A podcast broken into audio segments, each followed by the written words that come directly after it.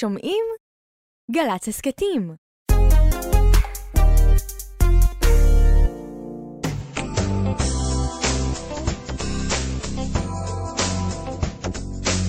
כל הכבוד, עם נתנאל סמריק.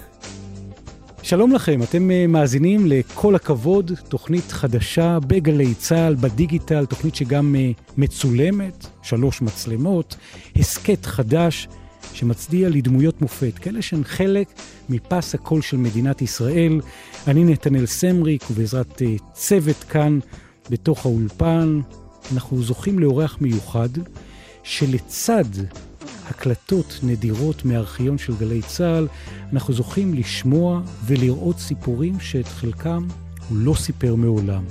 ההסכת מבוסס על התוכנית 70 על 70 ששודרה לציון 70 שנה לגלי צה"ל, והאורח שלנו הוא יזם, הוא מיליארדר שמימש את חלום האקזיט הישראלי במשהו כמו, אל תתפסו אותי במילה, 7 מיליארד דולר, אייל ולדמן? זה היה קצת יותר מ-7 מיליארד. קצת יותר. כן. אבל בסכומים האלה כבר, אתה יודע, מי סופר? גם פה תהיה איתי בבקשה מדויק. ההון האישי נאמד, על פי פרסומים ממקורות זרים, בחצי מיליארד דולר, שזה בשקלים מיליארד וחצי שקל, גרוסו מודו. לפי מקורות זרים. לפי מקורות זרים. זאת אומרת, אם אנחנו נרד פה ביפו ונלך אל הבנקט ונבקש פתקית בעו"ש, יצא מספר עם המון אפסים, נכון? לא, לא חושב. הבנתי. בעו"ש? לא, הכסף, הכסף לא יושב בעו"ש. הבנתי רק איפה הוא יושב לטובת תיק ההשקעות של כולנו, הרי אנחנו ב- רוצים ללמוד. הוא יושב בהרבה מאוד מקומות, בשלוש יבשות, אה, מושקע במגוון מאוד רחב של אה, מכשירים. אפילו אני לא יודע איפה כל הכסף יושב. מה, באמת אתה לא יודע? זאת אומרת, אם אתה עכשיו כאילו צריך... זה אחד- רשום באיזשהו מקום במחשב, אבל אם אני שואל עכשיו, אם אתה שואל אותי עכשיו ספציפית איפה הכל יושב, לא, אני לא יודע איפה הכל יושב. הבנתי אותך. אתה ישן בשקט בלילה? לרוב כן, לרוב כן. כן. ומתי לא? אה, יש כל מיני סיבות שאני לא ישן טוב, אה, אבל רוב הזמן אני באמת אה, מנסה לישון טוב. תכף ניגע בלילות האלה שהם יותר גם טרופי שינה בתוך החלום. הרגע הכי מטלטל, אייל ולדמן, בתוך החיים שלך? הרגע הכי מטלטל. תראה, אני עברתי כל כך הרבה חוויות בעוצמות כל כך אדירות. הראשון אה, שעולה? תראה, את- בשירות הקרבי עברנו הרבה חוויות. מלחמת אחר כך, לבנון. אה, גם מלחמת לבנון, אחר כך, אה, אתה יודע, ב... כשאתה הולך לעסקים, אתה נמצא כל הזמן במלחמה, אתה 24 שעות, 7 ימים בשבוע במלחמה נגד כל העולם ואשתו, ואתה מנהל את זה בצורה מאוד אינטנסיבית, ואתה צריך לראות אה, בכל העולם מה קורה. ויכולים כל כך הרבה דברים ללכת לא נכון, אם זה מבחינת אספקה, אם זה מבחינת בעיות באגים, אה, בעיות ש, של, של רכיבים שלך, של תוכנה שלך, לקוחות, מתחרים, ספקים, הכל יכול לקרות, צונאמי, רעידות אדמה, שריפות. המניה אנשים שעוזבים. יורדת! תראה, המניה יורדת זה בעיה, אבל זה לא אה, קטסטרופה. מניות עולות ויורדות, זה התפקיד שלהם, ואתה גם מבין גם למה הן יורדות ועולות, וזה בסדר, אבל כשיש לך נגיד התקפה של אקטיביסטים, או כשיש לך פתאום אה, צונאמי שגורם למחסור בחלק מהרכיבים, אתה צריך לדאוג לאספקות. ואתה יודע שהאספקות שלך או ההכנסות שלך של מיליוני דולרים או עשרות מיליוני דולרים לאנשים אחרים זה פי עשר, אז הלקוחות שלך זה מאוד משמעותי, אז כן, אתה מחסיר פעימה, לפעמים אתה ישן פחות טוב בלילה, ואתה דואג להרבה מאוד דברים. הבנתי, וזה מעניין שתיארתי את זה דווקא כ- כחזית של מלחמה 24-7. זאת אומרת, הדרך אל הנייר הנחשף הזה, ככל שזה דרך, בתדפיס, בעו"ש, שכבר הבנתי שהוא לא בעו"ש, היא דרך שהיא רצופה בלילות טרופי שינה, בהרבה חזיתות של מלחמה, ואתה יודע, כששאלתי אותך, אייל ולדמן, על הרגע מטלטל בחיים, לי היה ברור שאתה תכוון לדבר אחד, כי יחד עם הצוות כאן, עם אה, אביתר נכון, עם אה, אופיר שלחוב, בסופו של דבר יש הקלטה, שומעים אותך מאוד נרגש, קטע קצר מהלילה של ה closing, של הסגירה, של האקזיט ב-2019. לי היה ברור שמבחינתך זה רגע מונומנטלי. בוא נשמע קטע קטן מהלילה, טרוף השינה, ב... ושומעים את הפיץ' הגבוה שלך מתוך ההתרגשות. היינו בתוך כדי סגירות אחרונות של ההסכמים, אה, אבל הצלחתי לישון איזה שעתיים, משהו כזה. פשוט שעתיים בלילה. זה כל מה שהצלחת לישון בלילה האחרון. בשעתיים האלה על מה חלמת? אני לרוב, אני לא זוכר את החלומות שלי, יש מעט מאוד פעמים שאני מתעורר ואני זוכר את החלומות, אבל אה, כן, היו שם לא מעט לילות ב- בשבועות האחרונים שישנתי ממש מעט. אתה נמצא בחזיתות מול uh, כרישים ענקיים, מול חברות מאוד מאוד גדולות. אתה משחק, עובד uh, מול uh, ארבע גופים מאוד מאוד גדולים שהם פי עשר, פי חמישים יותר גדולים ממך. ודרך אגב, לאורך כל התהליך הזה לא הוצאתי מילה אחת לא נכונה מהפה שלי, שזה גם כן דבר שבעסקים אנשים לפעמים נוטים לעשות דברים אחרים. וגם הצד השני לפעמים לא האמין למה שאתה יודע, למה שאני אומר לו. למה אתה מתכוון? אבל... רגע של אי אמון בתוך המשא ומתן הדרמטי. אה, אתה יודע, מלאנוקס נמכרת לאמבידיה, עסקה שהיא חוצה את השבעה מיליארד דולר. משפט אחד שהרגשת שרגע אחד זה בורח מבין האצבעות?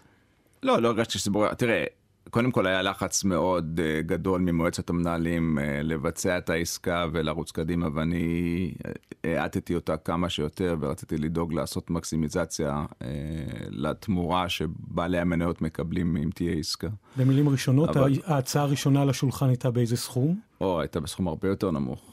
אני, אני לא זוכר כבר, אבל היא הייתה בפחות מ-100 דולר.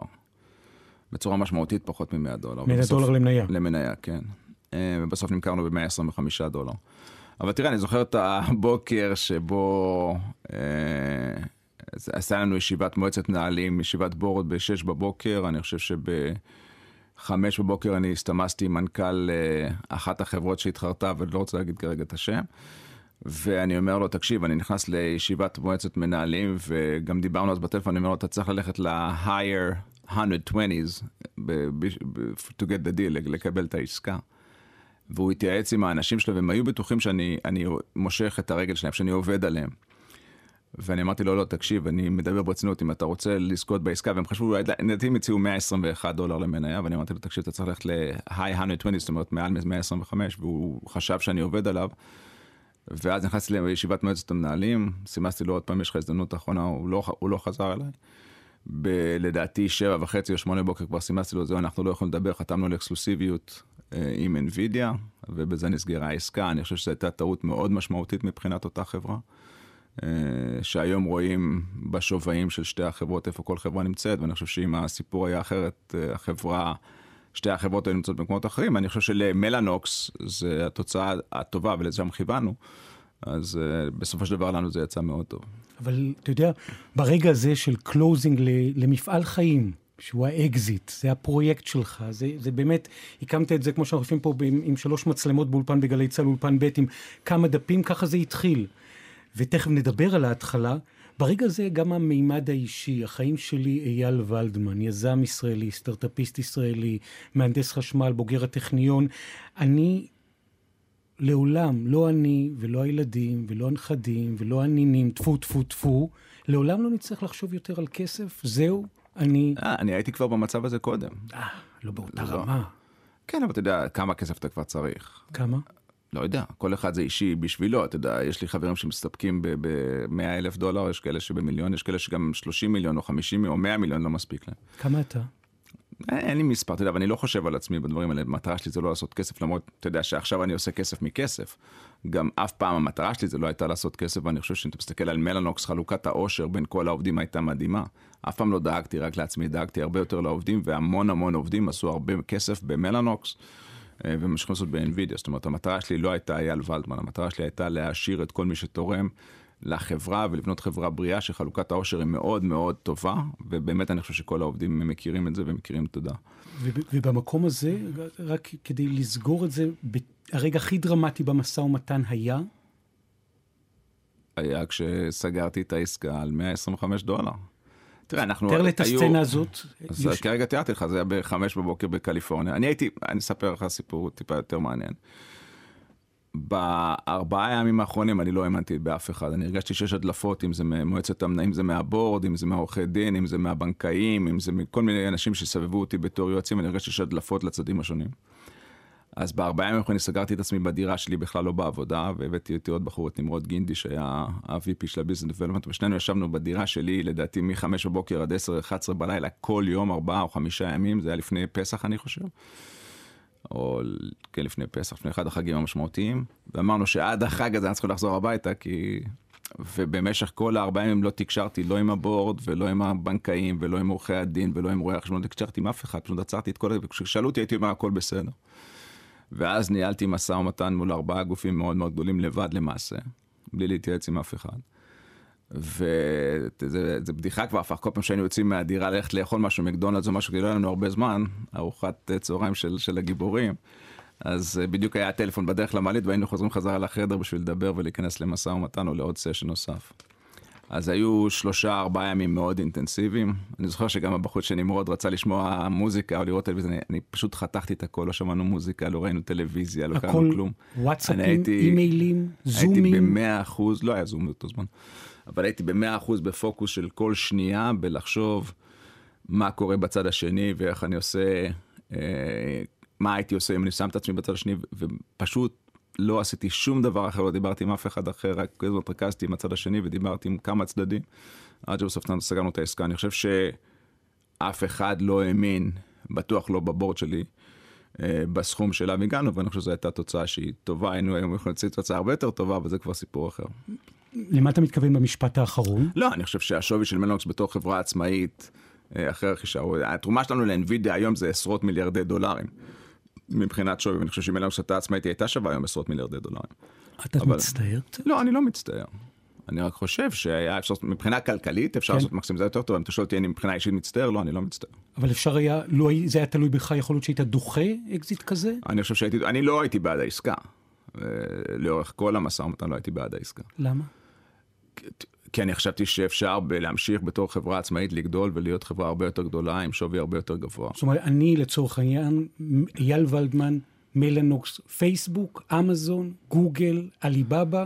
אני חושב שמלאנוקס הייתה היום חברה מאוד גדולה, מלאנוקס היה מוכרת במיליארדי דולרים, בין שלושה לארבעה מיליארד דולר בשנה. רק כדי לסגור את הפינה, אנחנו מדברים על הדבר הזה שמייצר קישוריות גבוהה בין המחשבים לאחסון, בין המחשבים למחשבים, כדי לנהל ים של דאטה. כן, למעשה כל פעם שאתה נוגע בטלפון אתה עובר באיזשהו מקום דרך מלאנוקס, אם זה פייסבוק, אינסטגרם, נטפליקס, עליבאבא, ביידו, טנסנט, טיק טוק שזה בייטדאנס, מייטואן, אובר, כל מה שאתה, כל מי שבאמת יש לו הרבה דאטה משתמש בנו, כל הבינה המלאכותית. שהולכת להתעצם יותר ויותר עם השנים, משתמשת ב-NVIDIA ומלאנוקס. אגב, אתה אומר, כשאני נוגע בטלפון, היה לנו משא ומתן נוקב רגע לפני ההקלטה, שאתה תפסיק רגע אחד לגעת בטלפון, כי אתה לגמרי מכור. מתי הייתה הפעם האחרונה שכיבית סלולרי? לא, זה קורה, זה לא שזה לא קורה. כשאני עושה סקי או כשאני צולל, אני לא יכול, אז אני, אני נמצא עם הטלפון, אבל אני, אני נותן לעצמי את הזמן לנשום. אתה צולל עם הטלפון? לא, אני לא צולל עם הטלפון. אוקיי, אוקיי. תקשיב, דיברנו על, אה, על חלומות בלילה ועל... זה היה חלום ילדות, להגיע למעמד הזה שאתה מנהל עסקת ענק כדי לסגור חברת ענק שמממשת חלום ענק שהתחיל בילדות? לא, אני לא חושב ש... אתה יודע, לא תיארתי לעצמי אף פעם להגיע לדברים כאלה, אבל זה כן היה חלום ילדות, ילדות לעשות משהו גדול, משהו מאוד משמעותי, זה כן היה מילדות. תמיד חשבתי שאני רוצה לעשות משהו מאוד מאוד משמעותי להרבה הרבה אנשים. כשאתה אומר מילדות, הכוונה מאיזה גיל? גיל מאוד צעיר, אני יודע, 10, 13, לא יודע. כבר מגיל 10 היה איזשהו חזון לשנות חיים להרבה אנשים. בוא נשמע ביחד קטע כאן מתוך הארכיון של גלי צה"ל, חבר וקולגה שלך, חתן פרס ישראל, גיל שווייד, גם כן נוגע באופן מאוד מדהים בנקודה הזאת, שזה חלום שהזרע שלו טמון כבר בילדות. תחילת שנת 93, אה, אולי אפילו בסוף שנת 92, נושא של האינטרנט ומחשבים אני מתעניין בו הרבה שנים. הרעיון לטכנולוגיה היה אצלי גם בראש, וגם הרצון ליצור חברה, ליצור משהו ששלי, שאני יכול ליצור בו, ואני יכול אה, אה, באיזושהי צורה לגרום לקריאטיביות שלי לעבוד עבורי, לעשות את כל הדברים האלה. כל הדברים האלה היו בראש שלי. ופתאום בסוף... אה, 92, תחילת 93, פתאום אני מתעניין באינטרנט, ופתאום אני רואה שזה לא יותר דבר אקדמי, אלא פתאום המון חברות מנסות להתחבר לאינטרנט. נוצרו קבוצות דיון באינטרנט שדיברו על הצורך באבטחת המידע ועל זה שהפתרונות הקיימים לא, לא מספיק או לא יותר טובים, וזה באמת היה קליק של יום אחד שאומר, רק רגע, פתאום כל אותם מאות אנשים מבקשים זה, כן. משהו שלי יש את הפתרון אליו, והם פותרים את הבעיה בצורות לא טובות, לא אלגנטיות. ולי יש רעיון כל כך יפה ופשוט, אז אולי זה הזמן לקחת את הרעיון הזה ולהפוך אותו לעסק. ספר לי על הקליק שלך, על הרגע הזה שאתה הבנת, וואו, אני באמת הולך לממש את חלום הילדות.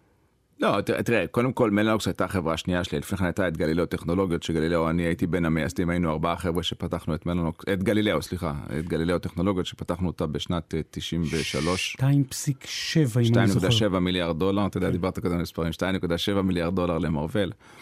אה, אבל אה, אז, אז זה כבר הייתה חברה ראשונה שהתחלנו, ואחרי לדעתי ארבע וחצי שנים הנפקנו אותה בנסדק במאות, ב-250 מיליון דולר, ואחר כך אני עזבתי ואז היא נמכרה למרוויל ב-2.7 מיליארד דולר.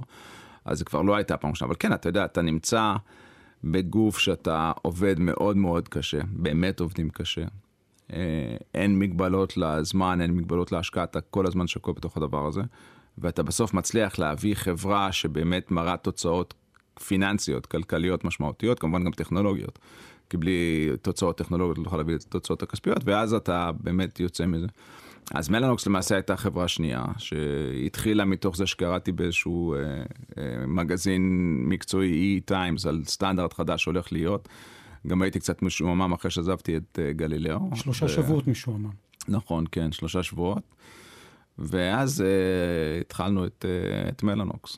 עכשיו תגיד לי, דיברנו, אה, אייל ולדמן, על חלום ילדות. בילדות היה איזשהו מבוגר להישען עליו, להתייעץ איתו עם דמות אב כזו או אחרת? לא, אבא שלי עזב את הבית כשהיינו בני שלוש פחות או יותר, אמא שלי גידלה אותנו, והיא הייתה אישה מאוד חזקה ואישה מדהימה. גירושים?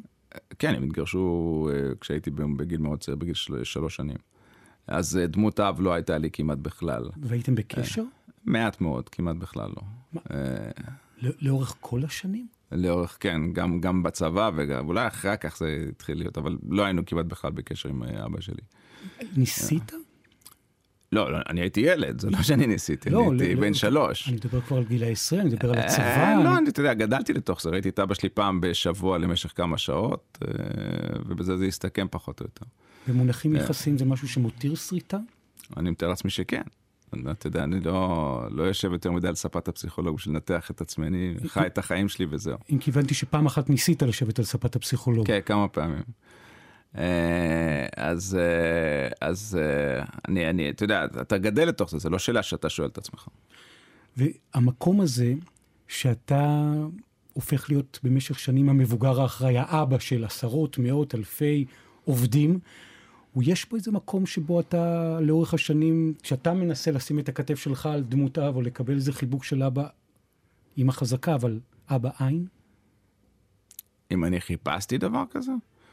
תראה, אני שמחתי מאוד על עצמי, אתה יודע, אתה נמצא במקום שכשאתה מספר אחד, אין לך על מי להישען. אתה נשען על עצמך ואתה נמצא מאוד uh, במקום לבד. הספקת לדבר על זה עם אבא שלך לאורך השנים לפני שהוא נפטר? לא. אף פעם? אף פעם. שיחה פתוחה. אבא, תקשיב, משהו? לא. גם בשנים של ה... ש... שלפני הדמנציה? לא, לא, לא דיברנו על זה. לא חשבתי שיש בזה טעם או שיש לזה סיבה, אין לי משהו, לא, לא דיברנו על זה. ואם הייתה הזדמנות היום בדיעבד, שאתה כבר באמת אה, ברמה המקצועית אה, על גג העולם, יש משהו שאתה חושב שהיית רוצה לחלוק איתו, לומר לו אפילו בלוח הלב? תראה, אני דאגתי לאבא שלי בכמה רמות, בכל מיני נושאים, זאת אומרת, בכל זאת התייחסתי אליו כאל אבא שלי עם כל הכבוד ועם כל הדברים, וביקרתי אותו והייתי שם בשבילו כשהוא היה צריך בכל מיני נסיבות, גם כלכליות וגם רפואיות וגם אחרות. אבל אה, לא, לא התקרבנו בצורה משמעותית. זאת אומרת, אחרי שהצלחתי, אז באיזשהו מקום היו כמה שיחות, אבל אתה יודע, באיזשהו מקום... אופס. זה כזה, אתה, אתה, אתה בא ממקום אחר, אתה כבר חי חיים אחרים, אז זה, זה, זה חיים מקבילים. זאת אומרת, הקרבה פתאום הייתה מיוזמתו אחרי שכבר נהיית... אני לא רוצה לשים את זה בצורה הזאת, אבל היו לנו הרבה יותר אה, מפגשים אחרי, כן. הזכרת קודם אה, פחד ורגעים מפחידים. וגם אה, לחץ בעבודה ולילות טרופים. אני רוצה לקחת אותך לאחד מהקטעים מתוך הארכיון, אתה מדבר על אה, משבר 2008, עם רגע של פחד. למשל, במשבר של 2008, מלאנוקס אה, חתכה בשכר, אני ירדתי לשכר מינימום, אלה שדיווחו אליי הורידו לדעתי 15% בשכר, אלה שדיווחו אליהם 10%, וככה לאט לאט בצורה מדורגת חסכנו הרבה מאוד כסף על ידי שהורדנו לכולם את השכר למשך שנה וחצי. בצורה הזאת נמנענו מצורך לפטר אנשים.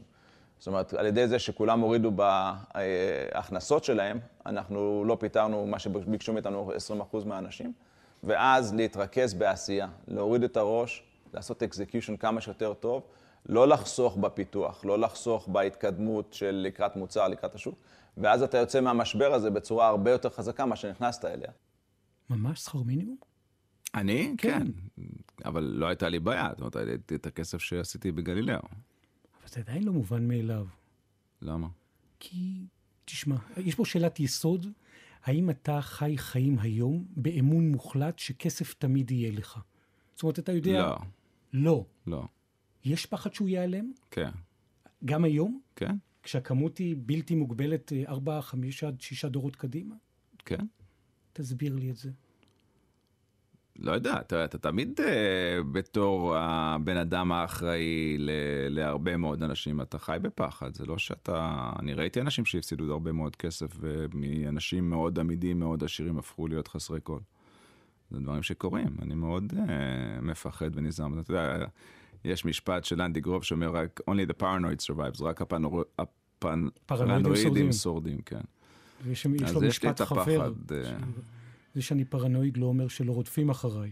אז... כן, אז קודם כל אני תמיד מרגיש ש, שיש לי צלב על הגב בהרבה כיוונים. וואו. אבל אה, אז, אז אתה תמיד צריך לדאוג, גם, אתה יודע, ברגע שאתה מרגיש יותר מדי נוח, אתה נופל. אתה לא, אתה לא יכול להרגיש נוח, זה חלק מה... לא יודע, פילוסופיית חיים, אבל זה חלק מאיך שאני חי. צלב על הגב, למה אתה מתכוון?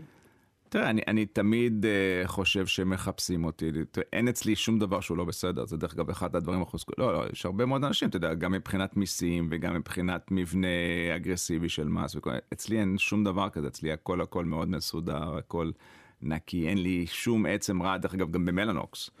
אנחנו ניהלנו את החברה בצורה כזאת שלא היה אף bad bone, אף, אף עצם לא טובה בתוך החברה. אף גופה לא בתוך אף דיונה. אף גופה באף דיונה ושום דבר בארון ובשלדים וכו', וכשאתה חי בצורה הזאת, אתה מרגיש טוב. עכשיו, אז למה אתה, שאתה... אז, אז דווקא מהמקום הזה, דווקא מתוך מה שאתה מספר, דווקא מתוך השפע העצום שאתה מביא, אז מה זאת אומרת, יש פחד שזה ייעלם? זה יכול לקרות. תראה את המשבר עכשיו באוקראינה, אוקיי? יש לך שם אוליגרכים שהם מיליארדרים. בשנייה אחת של החלטה של בנקים אמריקאים, ההון שלהם נעלם. אתה רואה היום יאכטה, מי שלח לי היום יאכטה של 60 מטר, שהיא צריכה לעלות הרבה מאוד כסף, ועכשיו היא מוצעת ב-30 מיליון דולר, ולדעתי אפשר לקנות אותה ב-20 מיליון דולר, זה של אחד האוליגרכים שהכסף שלו הלך. יאללה, זה עד סוף התוכנית, אתה בוואטסאפ יכול לסגור את העסקה הזאת, אפילו פה בשידור בגלי צה"ל. כן, אני לא כל כך מעוניין אותך, כי היאכטה הזאת אה, ישנה, אבל זה משהו אחר. יאכטה ישנה ב-30 מיליון, אתה כבר 20 יודע? 20 מיליון. 20 מיליון. אפשר, לדעתי היום מוצעת ב-30, מבקשים 36, לדעתי אפשר לסגור שם ב-23 מיליון דולר. איך אתה יודע את זה? מאיפה... שולחים לי את האינפורמציה הזאת. לא, לאן אפשר לרדת? אה, זה הערכות של אנשים, לא שלי. הבנתי. לך אגב, יש יאכטה? יש לי סירה, כן. סירה או יאכטה? אתה יודע ש... יאכטה. ובמקום הזה, כשאתה זוכר את עצמך, אפרופו היזם שבך והמיליארדר שבך, כשאתה מבלה בכנרת עם רנו אקספרס והילדים, או כשאתה מבלה במלון עשרה או 12 כוכבים באיים האנטילים, או המלדיבים. לא, או, לא הייתי או, במלונות כאלה של עשרה כוכבים, לא מכיר, לא יודע, אולי הייתי ואני לא יודע. חמישה כוכבים אני מכיר, שבעה כוכבים אולי אני מכיר, עשרה כוכבים לא מכיר. איפה אתה נהנה יותר? את, מבחינת, אני חושב שאני נהנה בשני המקומות אותו דבר. בלב? אותו איפה? דבר. זאת אומרת, אייל ולדמן, רנו אקספרס עם הילדים בכנרת? אותו דבר, כמו שתשים אותי במלדיבים, במלון שבעה כוכבים. מבחינת העושר, מבחינת הליהנות, אותו דבר. עושר באלף הכוונה. כן, כן. נהנה אותו דבר. גם עושר בעין, אתה יודע. איזה בן אדם, לא, לא, זה מאוד נכון, אתה יודע, אנשים עשירים, כן. זה אנשים שמסתפקים במה שיש להם. ויש לי חבר שהוא אומר, אני הבן אדם הכי עשיר בעולם, כי מה שיש לו זה מה שמספיק לו. אז הוא עשיר בעין, למרות שמבחינה כספית יש לו הרבה פחות, אבל הוא בן אדם הכי עשיר, כי מה שיש לו זה מה שהוא צריך, וזה מה שטוב. אני לא חושב שזה שיש לך המון כסף הופך אותך למאושר בטוח, אני מכיר הרבה מאוד אנשים מאוד מאוד עשירים שהם מאוד אומללים. אתה? אני חושב שאני לא אומלל, אני חושב שאני חי חיים טובים. אני שמח מהחיים שלי. אתה יודע, היה שם איזה רגע ב-2013, המניות ירדו. תיארת צלב, תיארת יום-יום מלחמה 24-7, ואתה נדרש לעמוד מול המצלמה ולהרגיע, בעיקר להרגיע. אז בואו אה, נראה ביחד את ה... ונשמע. אני חושב שהחברה היא חברה מאוד בריאה, מאוד טובה, ממשיכה לגדול, ואנחנו חושבים שאנחנו נמשיך לגדול, זאת אומרת, אנחנו רואים עתיד קדימה, אנחנו רואים את המומנטום שיש סביבנו גם ב design wins, לדוגמה ב storage, אנחנו לוקחים הרבה מאוד, אני חושב שרוב החברות הגדולות של ה storage משתמשות במלאנוקס, זאת אומרת, המומנטום שם הוא מאוד גדול, וגם ב Web 2 ו cloud. ואנחנו גדלנו בכל הרבעונים ב-2013 סקוונציאלי, סדרתי, אחד אחרי השני, ואנחנו בהחלט חושבים שאנחנו נמשיך לגדול בצורה מאוד יפה לכיוון 2014. היה רגע שהפסקת להאמין? לא. היה רגע שהרגשת שזה עשוי לברוח יותר מדי צלבים, יותר מדי חזיתות? לא, תראה, דרך אגב, הבורד שלי כן, הבורד שלי רצה להחליף אותי פעמיים במהלך הקריירה, והוא הרגיש שאני עושה דברים לא נכונים, אני אבל הרגשתי בצורה מאוד אה, מוחשית, פנימית, שמה שאני עושה זה נכון, עובדה שגם פה צדקתי. איך נראית שיחה כזאת שהבורד, כמו, אתה יודע, להבדיל סטיב ג'ובס, אה, בא ואומר, זאת חברת חייך, אדוני המנכ"ל, הם לא אמרו שזה חברת חיים, אתה יודע, הם, הם הביאו גם מישהו להחליף אותי, שאחר כך הלך לנהל חברה אחרת, הוא ישב בבורד, הביאו אותו לבורד, ואני ידעתי שבאים ורוצים להחליף אותי, ואני אמרתי להם, הייתה לי שיחה שאני חושב שזו הפעם הראשונה שירדו לי דמעות במועצת מנהלים בבורד, שאני אמרתי להם, תראו, אתם לא יכולים להחליף אותי, כי יש לי יותר מדי כוח בחברה. ואני יודע שאם אני טועה, אני לוקח את החברה הזאת למטה ואתם לוקח אתכם איתי, ואם אני צודק, אז זה, אבל אתם לא יכולים להחליף אותי. והיה שם דיון שזה היה בארצות הברית, זה היה בקליפורניה, והחדר ישיבות שלנו היה מחוץ למשרדים. ובאו אליי אנשים מתוך המשרדים, אמרו, תקשיב, שומעים אתכם בפנים, כי אתם צועקים יותר מדי בבורד, וזה בורד אמריקאי, לא היה אף ישראלי חוץ ממני, זה לא נהוג לצעוק בבורדים אמריקאים. אז כן, זה היה מאוד אינטנסיבי. בכית. והבן אדם, היו לי דמעות, לא, לא יודע אם בכיתי, אבל כן, אולי בכיתי, אבל לא, לא, לא, לא בצורה שבכיתי.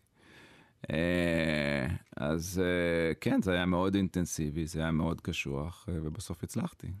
ואותו בן אדם הלך לנהל חברה אחרת שהיא בסוף נסגרה, היא נכשלה. אז כן, אני בסך הכל בסופו של דבר עברתי כמה משברים מאוד משמעותיים, גם פנימיים וגם חיצוניים. כשאתה מדבר על משבר פנימי, למה אתה מתכוון? בתוך החברה. למשל? למשל שהבורד רצה לפטר אותי. פעמיים אבל. פעמיים. מה הפעם השנייה? אתה יודע, פעם, אני חושב, אתה יודע, אני לא יודע אם זה פעם, זה היה פחות או באותה תקופה, פעם אחת הם רצו שאני אפטר 30% מהעובדים, ואני אמרתי, לא, אני לא מוכן לפטר 30% מהעובדים, ובסופו של דבר צדקתי. אמנם אנחנו הגענו אחר כך למצב של פיטורים שנה וחצי אחר כך, שאז גם אני הסכמתי לעשות את זה, כי באמת היינו צריכים לעשות את זה, וזה היה מאוד קשה, ולמרות זאת עדיין אנשים שפיטרתי אותם עדיין שולחים לי בקבוקי יין לפעמים. אבל... אולי רוצים איזה אופציה איפשהו. לא, הם לא רוצים אופציה, אני חושב שהם העריכו מאוד את הצורה שבה עשיתי את זה, ו... ואת הצורה שבה תקשרנו את זה, ואת הצורה שבה ליווינו אותם, וגם אחר כך אנשים בדידים ש... שפיטרתי עדיין נשארו איתי ביחסים טובים. זה נדיר. זה... כן, אני חושב שזה נדיר, אני חושב שזה, שזה צריך לעשות את זה בצורה נכונה. אני, אני, אני לא ישן טוב כשאני צריך לפטר, אבל הנקודה היא שהחיכוך עם מועצת המנהלים לא היה חד פעמי, הוא היה כמה פעמים. גם דרך אגב עם הסטארבורד, עם, עם האקטיביסטים אחר כך, הוא היה מאוד מאוד אינטנסיבי. אקטיביסטים לטובת מי שפחות מצוי בתוך הז'אנר, הכוונה היא? משקיעים שקונים חלק גדול מהחברה בשביל לעשות איתה משהו אחר שההנהלה רוצה לעשות איתה. זאת אומרת, לפטר את ההנהלה, לפטר את הבורד, לקחת את החברה, לרוב למכור אותה לחברות אחרות. פה גם היה משהו שלדעתי מאוד מלוכלך שסטארבורד עשו. אבל... כמה אבל... מלוכלך? מאוד, לדעתי מאוד מלוכלך. הם היו בבורד של מרוויל שניסתה לקנות אותנו לפני כן.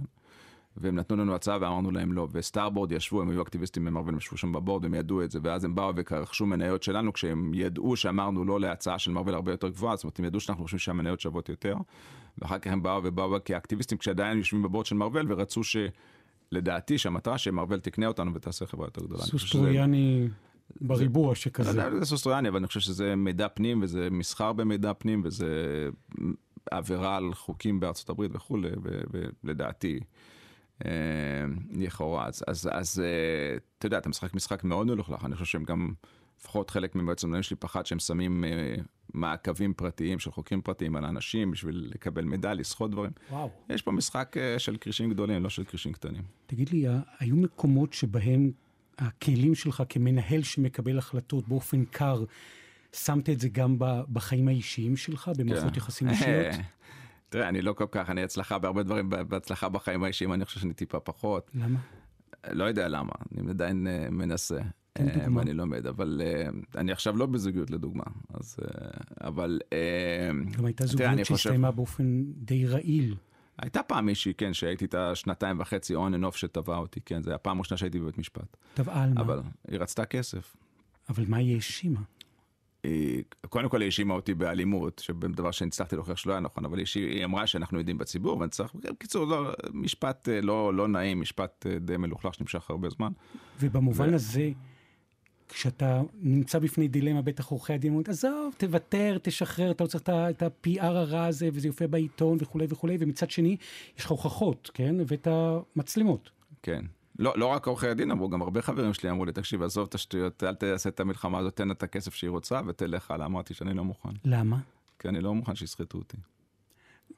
זאת אומרת, מוכן בהקשר הזה ללכת עם האמת שלך, גם אם זה אומר להימרח בזפת ונוצות, כן. וגם אם לא היו לך מצלמות מתוך הבית שמראות שלא לא הכית ולא הייתה אלימות, ללכת עם זה עד הסוף. כן, תראה, אני חושב שמה שהיה חשוב לי זה שהילדים שלי והחברים שלי יודעים מי אני, והם מכירים אותי מספיק כדי לסמוך על מה שאני אומר להם. אה, כל השאר אני אסתדר. תראה, אני חושב שגם מה שכותבים עליך בעיתונים זה לא דבר משמעותי, זה לא דבר שצריך לשים, אנשים שמים יותר מדי לב למה שהם מפרסמים עליהם, מה שכותבים עליהם בעיתונים, אני בכלל לא מפריע לי. היה שם איזה רגע של אה, בכל זאת התייחסות, עכשיו אני שומע אותך, אתה מיסטר קול, אבל בהתחלה, וכשמגיע מין כתב תביעה וכולי, שזה נהיה אמוציונלי ואתה רגשי שמה, כמו. כל בן אנוש. היה, זה היה בהתחלה אמוציונלי, ואני אמרתי לה שאנחנו לא צריכים להיות בבית משפט, אנחנו צריכים לפתור את זה בצורה אחרת, אבל היא הייתה בטוחה, עורכי דין שלה היו בטוחים שהם יקבלו הרבה מאוד, אז לכן הם המשיכו בסיפור הזה. אה, כן, אבל אחרי שנה אני כבר שמתי את האמוציות בצד, אמרתי, אוקיי, חבר'ה, זה צד עסקי, אני אחרי שנה יכולתי כבר לשים את זה בצד, ואז נמשך עוד תשע שנים. כמה? לדעתי סך תשע שנים או משהו כזה. וואו. כשאני מתייחס לזה בצורה של עסקית לחלוטין, נתתי לעורכי דין לעשות את העבודה שלהם, אני אפילו לא קראתי חלק מהדברים שעשו, והרבה מאוד חברים שלי וגם חברות קודמות שלי באו להעיד בתוך הסיפור, מה שמאוד גרם לי להרגיש מאוד נוח ואהוב ובסדר עם עצמי והכל. אה, כן, אני חושב שהיום היא מצטערת על זה. אייל ולדמן, יש דברים בהקשר הזה, דווקא במובן של יזם שמוביל אנשים, ותכף נדבר על מערכות יחסים שלך עם אנשים, שאירוע כזה של תשע שנים, ובטח יש גם זמן קודם וכולי, שמשאיר איזושהי שריטה, כן, אני מאמין שיש שריטות מהסיפור הזה. אה, איזושהי חשדנות או, או, או רתיעה, מה, מה מה נשאר? אני ל- מאמין שיש צלקות מהסיפור הזה, כן. תראה, אתה עובר חוויה מאוד לא נעימה עם בת זוג שאתה בטוח שאוהבת אותך, ואני גם חושב שהיא אהבה אותי, אני לא, לא חושב שהיא לא אהבה אותי. אתה אהבת אותה? כן, אני אהבתי אותה, כן. ואני חושב שזה משאיר לך צלקות בהחלט. ת, תשרטט לי או תפסה לי במילים סוג של צלקת כזו. תראה, יש לך אה, נושא של אה, בני זוג, של יחסים, של אה, לפעמים פחד, של לפעמים רתיעה, אבל אני, אני מתגבר על זה, אני חושב. אמרת שאתה מתגבר, אמרת קודם שהלכת כמה פעמים בהקשר הזה באומץ לב ובגילוי, ואני חושב שזה זה מקסים לטיפול. זה משהו שהטיפולים עוזרים?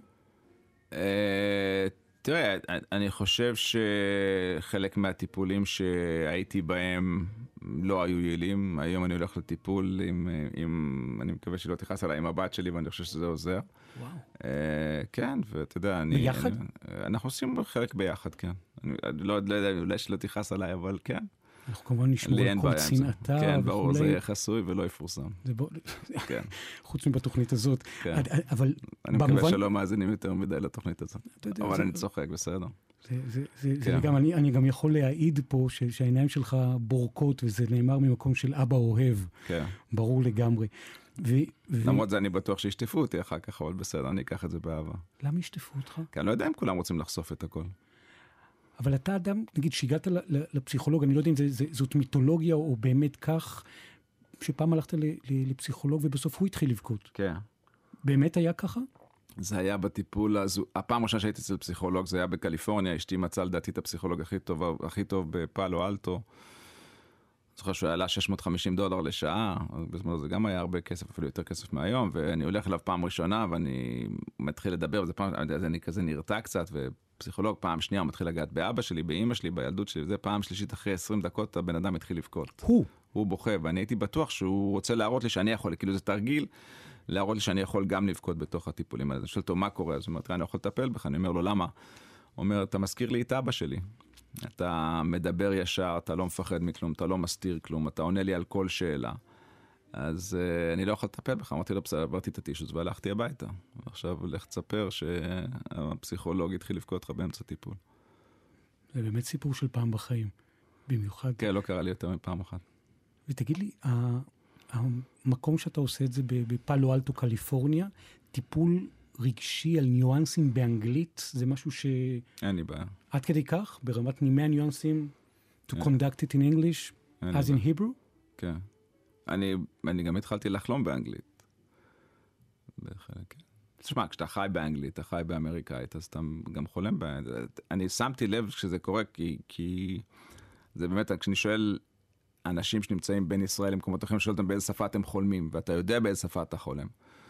אה, גם באיזה שפה אתה סופר בראש את המספרים כשאתה סופר. אז, אז דולרים. אני עברתי ל, לאנגלית, כן.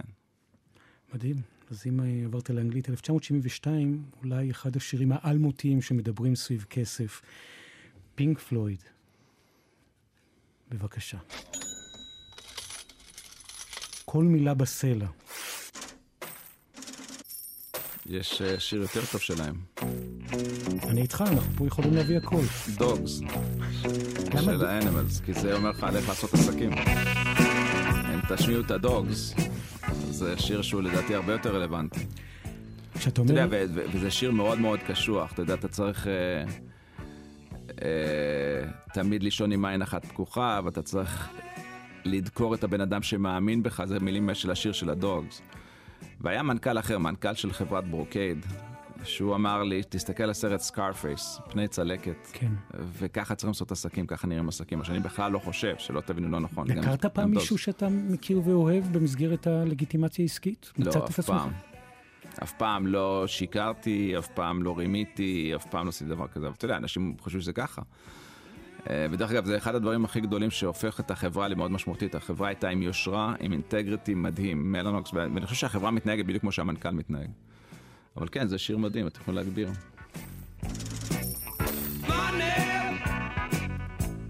Get back.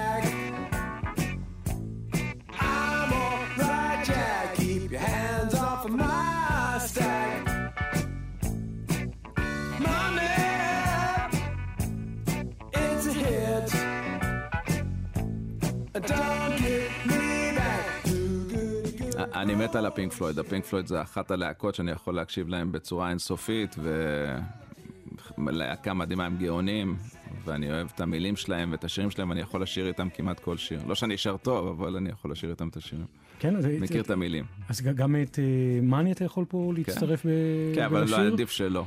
אני לא חושב שאני, הילדים שלי אומרים לי, כל אבא תשאיר משהו, אז הם פורצים בצחוק, אה, כי אני לא שר בכלל אה, בצ'ון. טוב, מבחינתנו אגב אנחנו מבטיחים לא לצחוק. אם בא לך מפעם לפעם לשיר, גם עם אני- הקריצה שראיתי פה אני מספיק באולפן. עושה לי פדיחות בסיפור הזה, אז אני חושב שמעדיף שלא. אני רוצה לומר לך משהו, מי שמצטרף אלינו לכאן אה, גלי צה"ל 70 על 70, אני מקשיב לך קשב רב, אנחנו ככה חוצים אה, את מחצית התוכנית, אפילו פדיחה אחת לא עשית. יש פה כנות, יש פה יושרה, יש פה גילוי לב, אפס פדיחות, סליחה שאני אומר לך את זה, כמו שזה בפניך. אגב, אנשים, ילדים, מערכות יחסים, אנחנו הולכים אה, ביחד אה, לשמוע על פטנט, אני חושב שהוא מאוד ייחודי שלך, איך אה, ידעת בהקשר הזה גם לקבל אנשים לעבודה עוד לפני שהם פצעו את הפה. קיבלתי אנשים לפי איך שהם הולכים, וזה מצחיק. אבל uh, הייתי ב... היה לנו, בהתחלה היה לנו איזה בית מאוד קטן, מבנה קטן, ואני זוכר שרוני ושי, עוד שני פאונדרים, הלכו לראיין מישהו, ואני, לפי איך שהוא נכנס לחדר, לפי איך שהוא הלך, אמרתי, הוא יתקבל. אז תראה, אתה מפתח לך כבר תכונות שאתה יכול לדעת מי זה האנשים, ואיך הם, והם מסתכלים לך בעיניים, לא מסתכלים לך בעיניים. אתה, אתה מפתח תכונות שאתה יכול לדעת מי יכול להיות טוב או לא טוב. ספר לי איך אתה ככה עושה את הזיהוי הזה, כי בסופו של דבר, אנשים זה באמת, זה המפתח. כן, זה, קודם כל זה היה יותם, שהוא בחור מדהים, והוא סמנכ"ל ב-NVIDIA היום וזה. תראה, אני מאמין ששפת הגוף אומרת לך הרבה מאוד דברים. המבט, הקשר עין, הצורה שבה אתה הולך, שאתה מניף את הידיים, שאתה רגליים. אתה רואה אם לבן אדם יש את הביטחון, אין את הביטחון, אם הוא מפחד, אתה, אתה פשוט רואה, אתה יודע, אני אתמול ראיתי שני אנשים רצים, ולדעתי הם היו חבר'ה ממודיעין בקריה שם, אתה ראית שהם רצים, הם בחיים לא יהיו קרביים החבר'ה האלה. כי הם רצים עם כמה שפחות תנועות של הגוף, הם כזה, אתה רואה שהם, שאין, להם- הם, הם לא אגרסיביים, בצורת ריצה שלהם. חשבתי על זה אתמול, זה היה נורא מצחיק, הייתי בדרך לפגישה. דווקא מאוד מעניין. אבל בקיצור, על מה הפגישה רק ש... לא משנה. אה, אולי תשמעו על זה בעתיד, אני מקווה. אבל אה, נשמח. בקיצור, אתה, אתה רואה לפי התנועה של הרגליים, של הידיים, של הראש, את הבן אדם ואת האופי שלו. אתה, זה אבל המקום יש-. של הסמג"ד אה, חטיבת הבקעה שככה יודע לאבחן אנשים, הקצין, ה... דרך אגב, גם, גם בצבא זה מאוד, אה, אתה יודע, גם כשאתה עומד עם הפנימי שלך, עם החיילים שלך, ועם הקצינים שלך, וגם כשאתה מתמודד מול אה, אנשים שאתה מתעמת איתם, אם זה בהפגנות, אם זה מתפרעים, אם זה מחבלים, אתה רואה את השפת גוף, אתה מבין איפה אתה עומד ואתה מבין גם את הסכנה שלך. אתה יודע, זה כמו שלראות על סוס או על כלב, אם הוא ברמה של אה, מפחד, ברמה שהולך לתקוף, לפי האוזניים, לפי האף, לפי הזנב. אתה אומר לך הרבה, אז, אז גם שפת הגוף אצל גברים, אצל אנשים, אומרים לך דברים דומים, ואתה קורא הרבה מאוד ממבט בעיניים, ואתה יודע מתי לפעול ואיך לפעול, על פי שפת הגוף של הצד השני. ספר לי סיפור כזה של חוויית סכנה לא, צבאית. אז אני אספר לך. לא, אתה- תראה, אה, אני אספר לך סיפור אחר שלדעתי הוא מעניין בנושא של מלנוקס. באו אליי פעם אחת אה, בנושא שמישהו עבר מבחני רעיונות והוא עמד להיות מקובל, ואז ה-HR, המשאבי אנוש, באו אליי ואמרו לי, תשמע, הבן אדם הזה מסוכן, אנחנו לא רוצים לקבל אותו. אמרתי, מסוכן. מסוכן. אמרתי, למה? אז אמרו לי שהוא תומך בדאעש, באייסיס. אמרתי לי, איך אתם יודעים שהוא תומך בדאעש? אז אמרו, תשמע, כל, כל, כל הפייסבוק שלו מלא בסיסמאות של האסלאם, הוא תומך בדאעש, הוא ישב שנתיים בכלא הישראלי על uh, החזקת נשק ועל uh, שליחה של כסף לדאעש. אנחנו לא רוצים, אנחנו מפחדים להכניס אותו לפה, כי הוא יגרום לנו נזק, הוא, יגרום, הוא תומך בדאעש, הוא יכול לפצוע, להרוג וזה. אמרתי, אוקיי, בוא תביאו אותו אליי. הביאו את הבחור אליי, הוא נכנס לחדר, ואני אמרתי לו, בוא, אמרו לי שאני צריך לפחד ממך. אה, שאתה תומך בדאעש ואתה ברמה של סיכון לאנשים ולזה. אז הוא אומר לי לא, אז אני אומר לו, אז מה הסיפור? לא ישבת שנתיים? הוא אומר, כן, תשמע, אז אני אומר לו, מה הסיפור? הוא אומר, תראה, יש לי אח שערק לסוריה ונלחם בשורות דאעש. ואני שלחתי לו כסף, לא זוכר אם זה היה 5,000 או 15,000 דולר, שלחתי לאח שלי כסף. פה בישראל זה נתפס, כאילו שלחתי לדאעש כסף, אבל שלחתי לאח שלי כסף. אמרתי לו, אוקיי, ומה עם הנשק? הוא אומר, כן, אח שלי היה לו נשק, והוא השאיר את הנשק בבית, נשק לא חוקי. אבל זה לא היה נשק שלי, הוא היה בבית, אבל באמת תפסו אותו אצלי בבית, ולכן אה, זה. אמרתי לו, אני צריך לפחד ממך? הוא אומר לי, לא. אז אמרתי לו, והבהרתי לו בצורה מאוד חד משמעית, שהוא, אם אני נותן בו את האמון, ואם יקרה משהו בגלל הסיפור הזה, זה, זה בעיה שבינו לביני, לא... וקיבלתי אותו לעבודה למרות שכולם, אה, כולם, לא לא רצו מאליו. לקבל אותו. כן, ואני חושב שעכשיו הוא אחד המהנדסים הטובים ב-QA, או אפילו יותר התקדם, והוא באמת בחור טוב. ואתה רואה שאם היית מקבל החלטה אחרת, ואתה רואה לפי שפת הגוף, ואתה רואה לפי, ה- למרות שיש לו זקן ויש לו חזות אה, מוסלמית, וזה בסדר גמור מבחינתי, אין לי בעיה לאנשים מוסלמים. אז אה, כן, אתה מקבל את ההחלטות, אתה מקבל את השיקולים לפי מי שאתה רואה שיושב מולך. וקיבלת אה, אותו. ושאלנו דרך אגב את השב"כ, באותו נושא אמרו, "תראה, שאנחנו לא לא יכולים לתת לך אור ירוק ולא יכולים לתת לך אה, שלילי, אבל, אבל תדע שאצלנו נמצא בורדרליין. אמרתי בסדר, אה, ולקחתי את האחריות ועשיתי את זה וקיבלנו, אני חושב שזה היה מאוד טוב, זו החלטה נכונה, כי אני חושב שצד אחר, אתה יכול לדחוף את הבן אדם למקומות אחרים.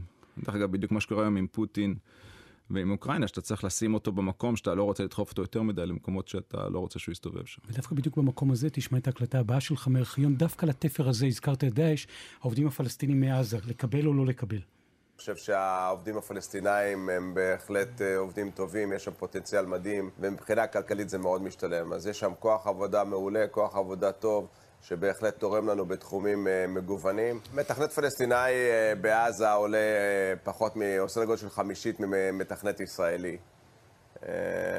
וזה מקביל פחות או יותר למה שאתה יכול להשיג במקומות אחרים. זה מאוד אטרקטיבי יחסית לשכר העבודה בישראל. מדגדג לך פוליטיקה? הייתי מצונן אז אני רואה. כן, משהו, כן, שמעתי קצת כן, בעדינות אז בפיץ'. הייתי מצונן.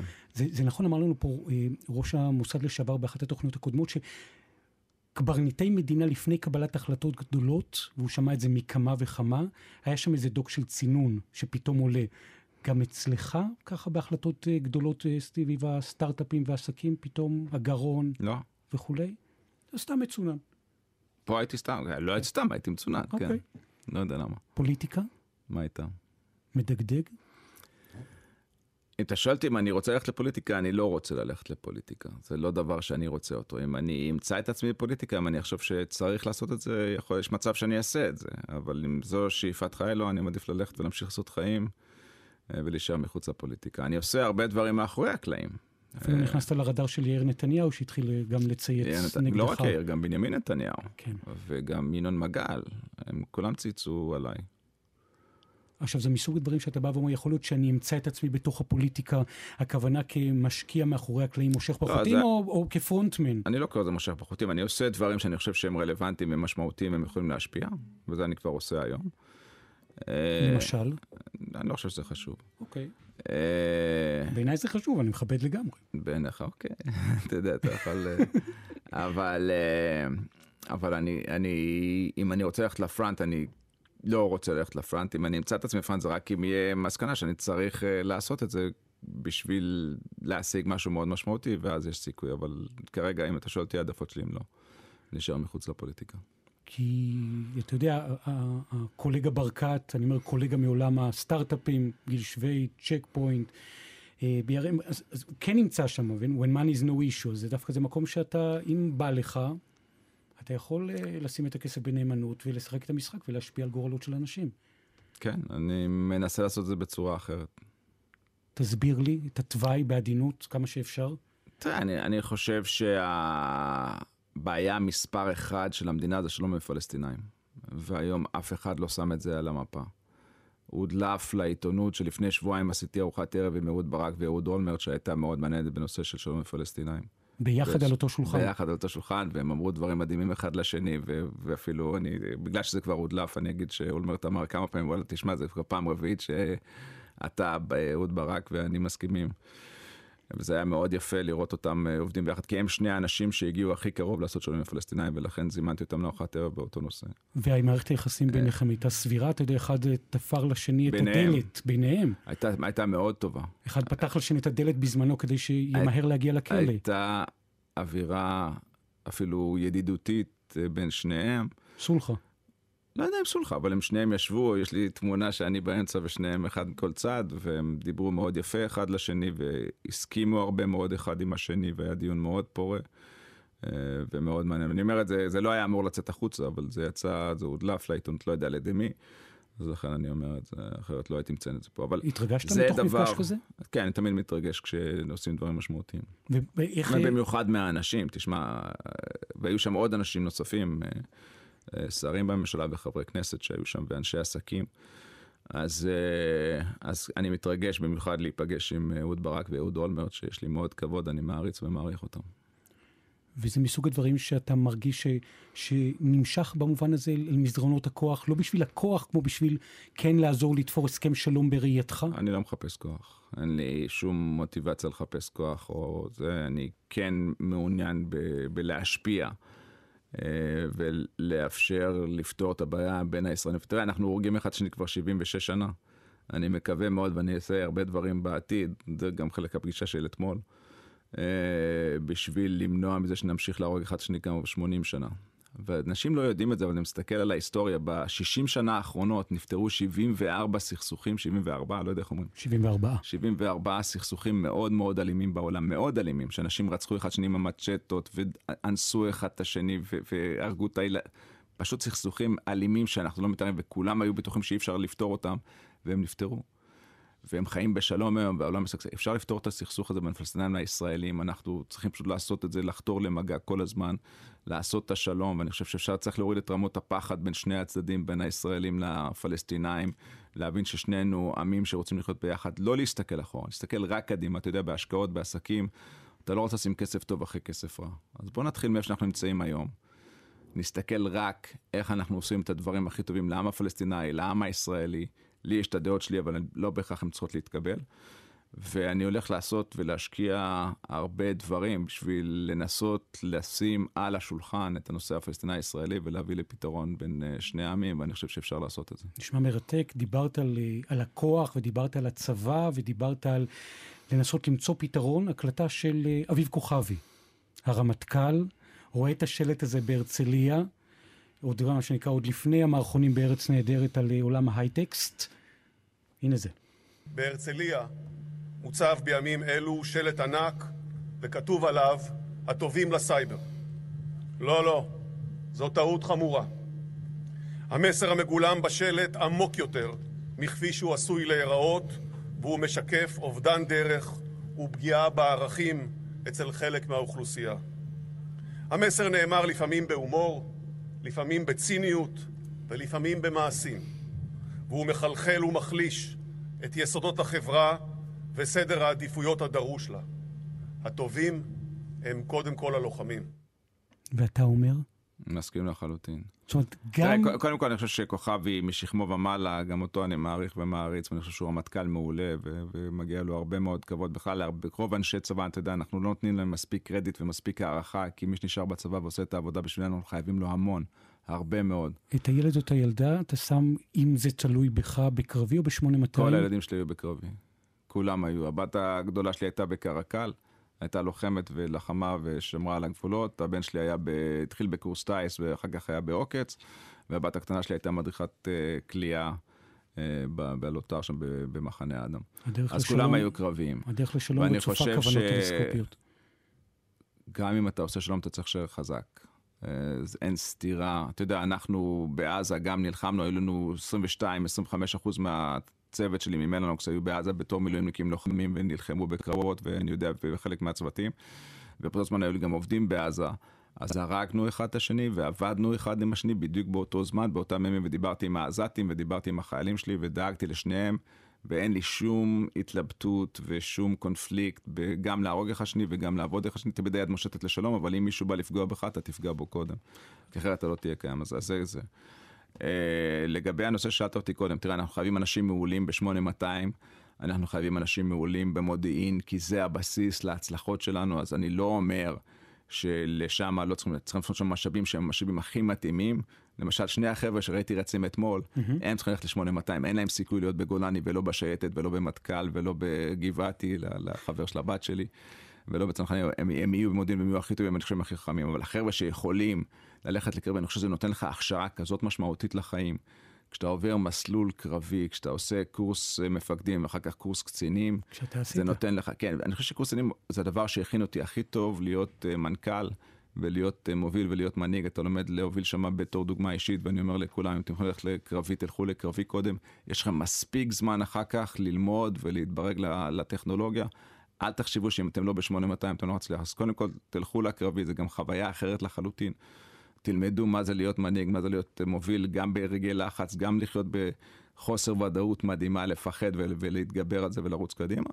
ואחר כך תעשו את ההכשרה הזאת. אני חושב שהצבא עכשיו גם פותח תוכנית, אני חושב שכוכבי והאנשים שלו עשו את זה, שאתה הולך להיות קרבי, אחר כך אתה חותם שנתיים, מתוך זה אתה לומד שנה וחצי ועוד חצי שנה קבע, ואז אתה יוצא כאילו היית עם הכשרה מקצועית של 8200, אז אני מאוד ממליץ על התוכנית הזאת, ואני חושב שזה דבר מאוד טוב שצה"ל עושה וגם ללוחמים. תלך להיות קרבי אם אתה מסוגל, אם אתה לא מסוגל להיות קרבי ויש לך את הראש הכי טוב, תהיה לך 8200, או תכף- 81.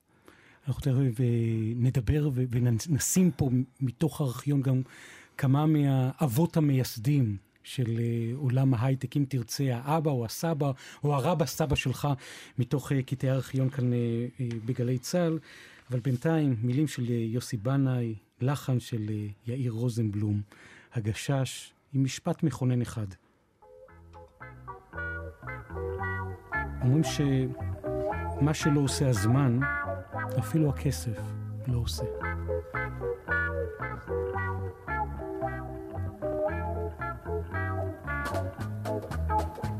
אומרים שמה שלא עושה הזמן, אפילו כסף לא עושה. אז תתנהל נכון כמו יומן, כי החיים זה לא חוזה.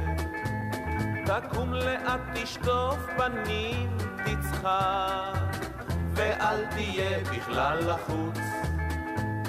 תשמור תמיד ממהירות מרחק, אל תשתתף בכל מרוץ, ואל תקפוץ זמזם את המנוחה. יש משהו במרוץ הזה שלך והמשפט המכונן שהנחת בהתחלה, אייל ולדמן, 24-7 מלחמה. זה לא מובן מאליו וצריך הרבה יכולות מנטליות כדי לשאת את זה. שאתה מתחרט עליו? מאיזה בחינה? אישית, רגשית, עסקית, תראה, פעילותית, כל מה שאתה בוחר. לא, לא מתחרט. כלום? אה, על- אני לא חושב שאני מתחרט על כלום. אני חושב, תראה, אני עשיתי הרבה טעויות. אבל- החית הכי גדולה? מה זה? אחת הכי גדולה? הם, הם יותר בצד האישי, אני לא חושב שהם בצד המקצועי. למשל? לא, אני לא אכנס לזה פה, אבל אני רוצה להגיד לך, אה, האחריות הזאת שאתה נמצא אה, 24/7, ואני רואה את המנכ"לים שמתמודדים עם זה עכשיו, היא באמת קיימת, ויש לי ציור בבית של מרק לכנר שכתוב You are alone. והוא ציור מאוד מאוד צבעוני, אבל כתוב You are alone. כך הרגשת? אתה מרגיש ככה כל הזמן. לבד. אתה מרגיש לבד, כן. הרגע ואתה צריך הכי לקבל את כל בודד, ההחלטות. הרגע הכי בודד בקבלת כל החלטות. הזמן. תראה, אני, אני קיבלתי המון החלטות שכולם אמרו לי לא, למשל לעשות כבלים, לעשות סוויצ'ים, אה, להילחם בסטארבורד. זה היו הרבה החלטות שכל הבורד וכל הצוות שלי אמר לי אל תעשה אותם, סתם לעשות כבלים מנחושת, כולם אמרו זה, זה טעות, אבל היום אנחנו עושים מאות מיליוני דולרים, אם לא הרבה יותר אה, בשביל מכבלים. מאיפה קיבלת את ההחלטה? מהבטן, מהראש, מהלב, מהידיים? זה, קודם כל כשאתה בתפקיד מנכ"ל אתה מקבל אה, אינפוטים, נתונים מהרבה מאוד גורמים של אנשים מתחתיך קשה לראות אותם, ואתה רואה את הדברים בזווית אחרת, אתה רואה את זה יותר גבוה, אז אתה יכול לקבל את ההחלטות בצורה יותר אה, אה, אמיצה. אילנה דיין מארחת את אה, מייסד סייטקס. אני רואה פה את החיוך שלך. אפי ארזי, זיכרונו לברכה, נכון בהבוקר, נכון להבוקר 1999. בוקר טוב לאפי ארזי. בוקר טוב. איך נכנה אותך? גאון ההייטק הישראלי, האיש שמאחורי סייטקס, האיש שמזוהה, נדמה לי, כמעט יותר מכל אחד אחר עם רעיונאות, וכאמור, טכנולוגיה גבוהה. מה שלומך? אה, אני בטוב, אה, באתי לתדלק את השיחות שלי עם הצעירים בארץ שממשיכים הלאה לחפש יוזמות ויציאות לדרך. לא שאתה לא מסתדר היטב גם עם הצעירים שם, שמחפשים יוזמות ויציאות לדרך. אבל האמת היא שיותר קל לי גם אה, לעבוד עם הישראלים. באמת? עדיין? יש, אה, יש הרבה סיבות. א', באמריקה יש מלא כבר שבלונה איך יוצאים לדרך ועושים את זה, אז יש שם הרבה אנשים שמטפלים בזה. בוא תספר לי רגע על השבלונה. השבלונה היא שארבעה צעירים מתכנסים במוסך של אבא שלהם, בגראז' של אבא של אחד מהם, יושבים, קודחים במוחם, מוצאים רעיון והולכים לאפי ארזי שישיג להם מיליון דולר ויוציא אותם בהנפקה? זה, פעם זה היה פשוט כזה, עכשיו זה יותר קשה, מכיוון שגם אלה שנותנים את המיליון דולר, או את החמישה מיליון דולר הבאים, אה, כבר נשרפו הרבה פעמים מהבטחות שווא של המפתחים, או מ- גם יציאה ליוזמות על דברים שאין שם בכלל זהב. אייל ולדמן, כשאתה יושב עם סטארט-אפיסטים צעירים, הדבר הראשון שאתה מסתכל עליו אחרי שפת הגוף, איך הם נכנסים לחדר, הם כבר באודישן, המבט, האודישן השני, מה הדבר הכי מהותי אחר כך שאתה מחפש? תראה, הד- הדבר הראשון זה האנשים. האנשים, אה, אתה צריך לראות שהצוות יודע מה הוא עושה, שהוא מקצועי, שהוא רוצה, שזה נמצא להם בתוך העצמות. אחר כך אתה מסתכל על השוק, שהשוק מספיק גדול, אה, ואתה תמיד שואל את עצמך אם הצוות שעומד מולך יכול באמת לבנות ולעשות את מה שהם אומרים שהולכים לעשות.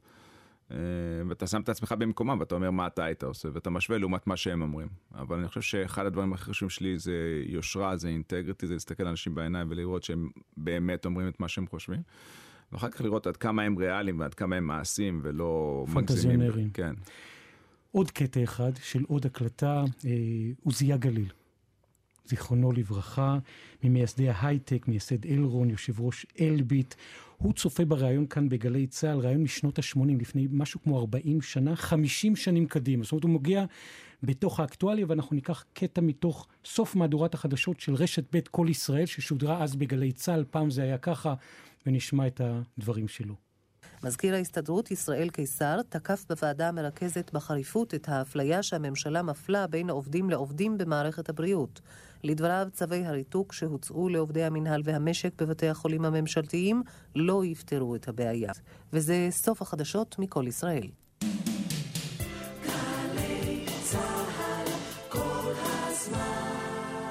שנות ה-80, גלי צה"ל, שימו לב לאות הבא.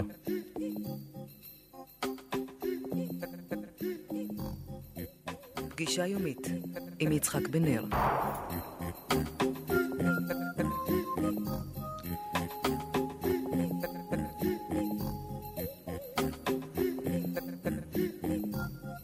ממייסדי ההייטק, עוזיה גליל, כבר יושב אז באולפן. שימו לב לתשובה שלו.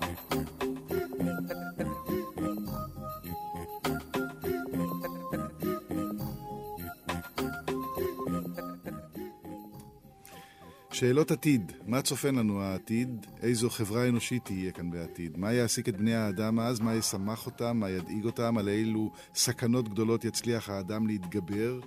ולפני איזה סכנות, בעיות ואתגרים חדשים הוא יעמוד. עד כמה תעצב הטכנולוגיה המתקדמת את דפוסי המחשבה וההתנהגות האנושית של העתיד, עד כמה יצליח פרי המחשבה הטכנולוגית האנושית להחליף את האדם עצמו בתפקידיו הקבועים.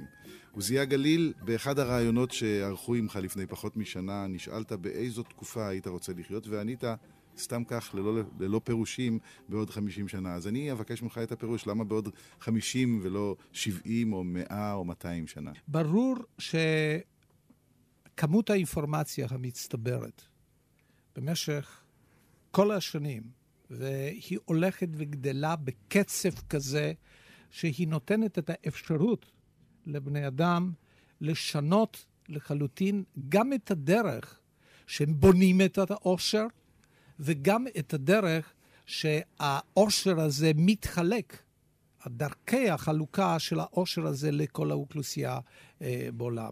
המפתח הוא אם כן במידע, באינפורמציה. המפתח הוא ללא צל של ספק במידע.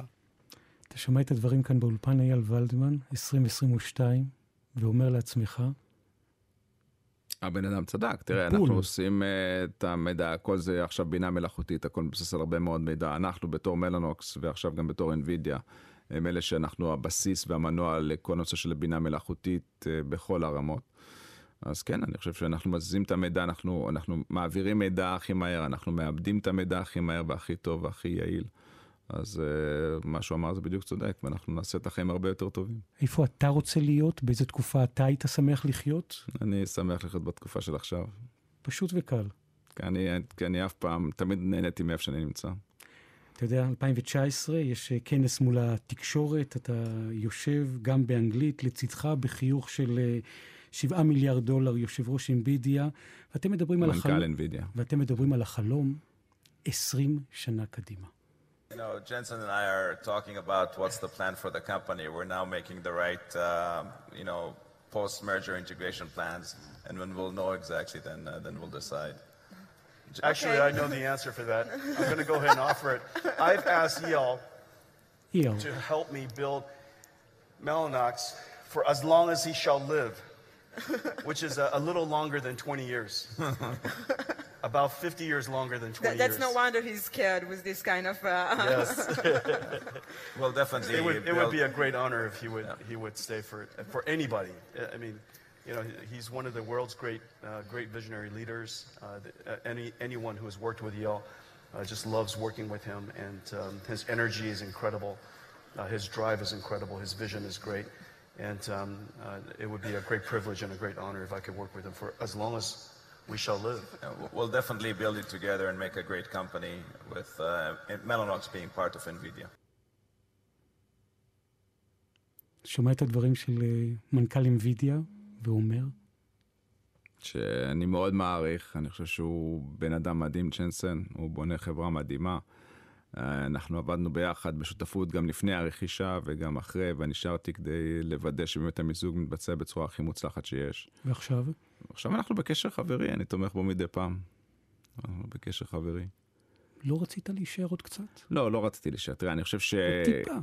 אתה, אתה, גם אני, ואני חושב שגם ג'נסון, אנחנו מאוד ריכוזיים. אני חושב שרוב המנכ"לים הטובים הם מאוד מאוד ריכוזיים. אני חושב שאפילו ג'נסון יותר ריכוזי ממני. אה, אז אתה יודע, אני אמרתי, אוקיי, עשיתי את שלי, אני לא מספר אחד, אני לא, אני לא אוהב להיות במקום שאני מספר שתיים, אני מעדיף להיות מספר אחד, ולכן העדפתי לצאת, אבל אנחנו בקשרים מאוד טובים. 20 שנה מהיום, איפה אייל ולדמן? במקום טוב. זה ברור. טפו טפו טפו. כן. ובכל זאת, בהיבט הפרקטי, חלום שאתה מעוניין לממש? אתה יודע, אני כל יום מממש את החלום שלי, אני כל יום עושה את מה שאני רוצה, אני נהנה ממה שאני עושה. אה, תן לי משהו קטן שעוד לא מימשת, אתה בן 62, החיים רק מתחילים. 61, אבל 61. כן, אז זה לא משנה, לא הבדל גדול, אבל אה, תראה, אני חושב ש... אה, יש לי את מה שאני רוצה, אני... אני רוצה להשפיע, אני רוצה לעשות חלק מהדברים שאני חושב שהם חשובים, שיעשו יותר טוב באזור, במדינה, באזור הגיאופוליטי שלנו, שאני חושב שצריך למצוא כלים אה, להילחם בשחיתויות ו- ולחזור למדינה נורמלית, שבו גם בתי המשפט וגם המשטרה וגם הרשות המבצעת וגם הרשות המחוקקת, יש להם את הכבוד ואת המקום הנכון אה, לבצע. אז יש הרבה דברים לעשות בשביל לבנות באמת מדינה מתוקנת, מדינה, חברה טובה ובריאה, כמו ש... עשינו במנוקס, אפשר לעשות את זה גם ברמה של המדינה. אתה שומע, ברור שעשייה ציבורית זה משהו שאתה לגמרי בתוכו, לא, כן? אני חושב שיש לנו ממשלה נהדרת, אני חושב שבנט עושה דברים מדהימים, אני חושב שיאיר לפיד וגנץ וליברמן והצוות וכל הראשי מפלגות שעובדים ביחד, אני חושב שהם עושים עבודה מדהימה, אני מאוד גאה לראות את אה, בנט, לפיד, גנץ, ליברמן עובדים ביחד, אני חושב שהם מנהיגים משכמה ומעלה, הם עושים דברים טובים. חלום אישי שאתה רוצה לממש? עם הילדה, עם הילדים, עם הזוגיות? אני באמת חולם לעצמי שתהיה לי זוגיות, שתהיה לי משפחה מדהימה, שכולם יהיו בריאים, שיהיו לי נכדים מתישהו סוף סוף, אה, כל הדברים האלה, אז אה, כמו כל אחד, אתה יודע, אני, אני באמת חושב שאני בדיוק כמו כול, כולם, אני לא רואה את עצמי בצורה שונה מכל אחד אחר, אני זהה לכולם, וככה אני חי וככה אני חושב. אז אני, אני חושב שאני שואף לכל מה שכולם שואפים. תודה רבה לך. אייל ולדמן, יזם ומיליארדר, ועל השיתוף הכל כך כן בסיפורים שלך, היה לעונג להיות איתך ולהקשיב לסיפורים האלה. תודה גדולה גם אה, לכל הצוות כאן באולפן, מי שעשה במלאכה בשעה האחרונה. אנשי אה, הדיגיטל של גלי צה"ל, ישי חסקי, אילי מנדלוביץ', לצידם כמובן אופיר שלחוב שעל הארכיון. וגם אה, אביתר נכון. אתם יכולים לשמוע וגם לצפות בהסכת, בתוכנית, בשלל הפלטפורמות הדיגיטליות של גלי צה"ל, ביוטיוב, בטוויטר, באינסטגרם, כמובן בפייסבוק, וגם איפה שאתם אוהבים לשמוע את ההסכתים שלכם, בכל זמן שתרצו, גם כמובן אה, ביישומון. אני נתנאל סמריק, וזו הזמנה חמה מכולנו. שתצטרפו אלינו גם בפרקים הבאים של ההסכת, עם עוד אורחים שהם חלק מהפנתיאון של מדינת ישראל, חלק מבנייני האומה. שלמה ארצי, אתם שואלים? יהיה פה. מתי כספי, ריטה, חווה אלברשטיין, אלופים במילואים, ראש מוסד לשעבר, אנשים שיש להם סיפורים מדהימים, ואנחנו פשוט מקשיבים לקולות שלהם, כי בהחלט מגיע להם. כל הכבוד.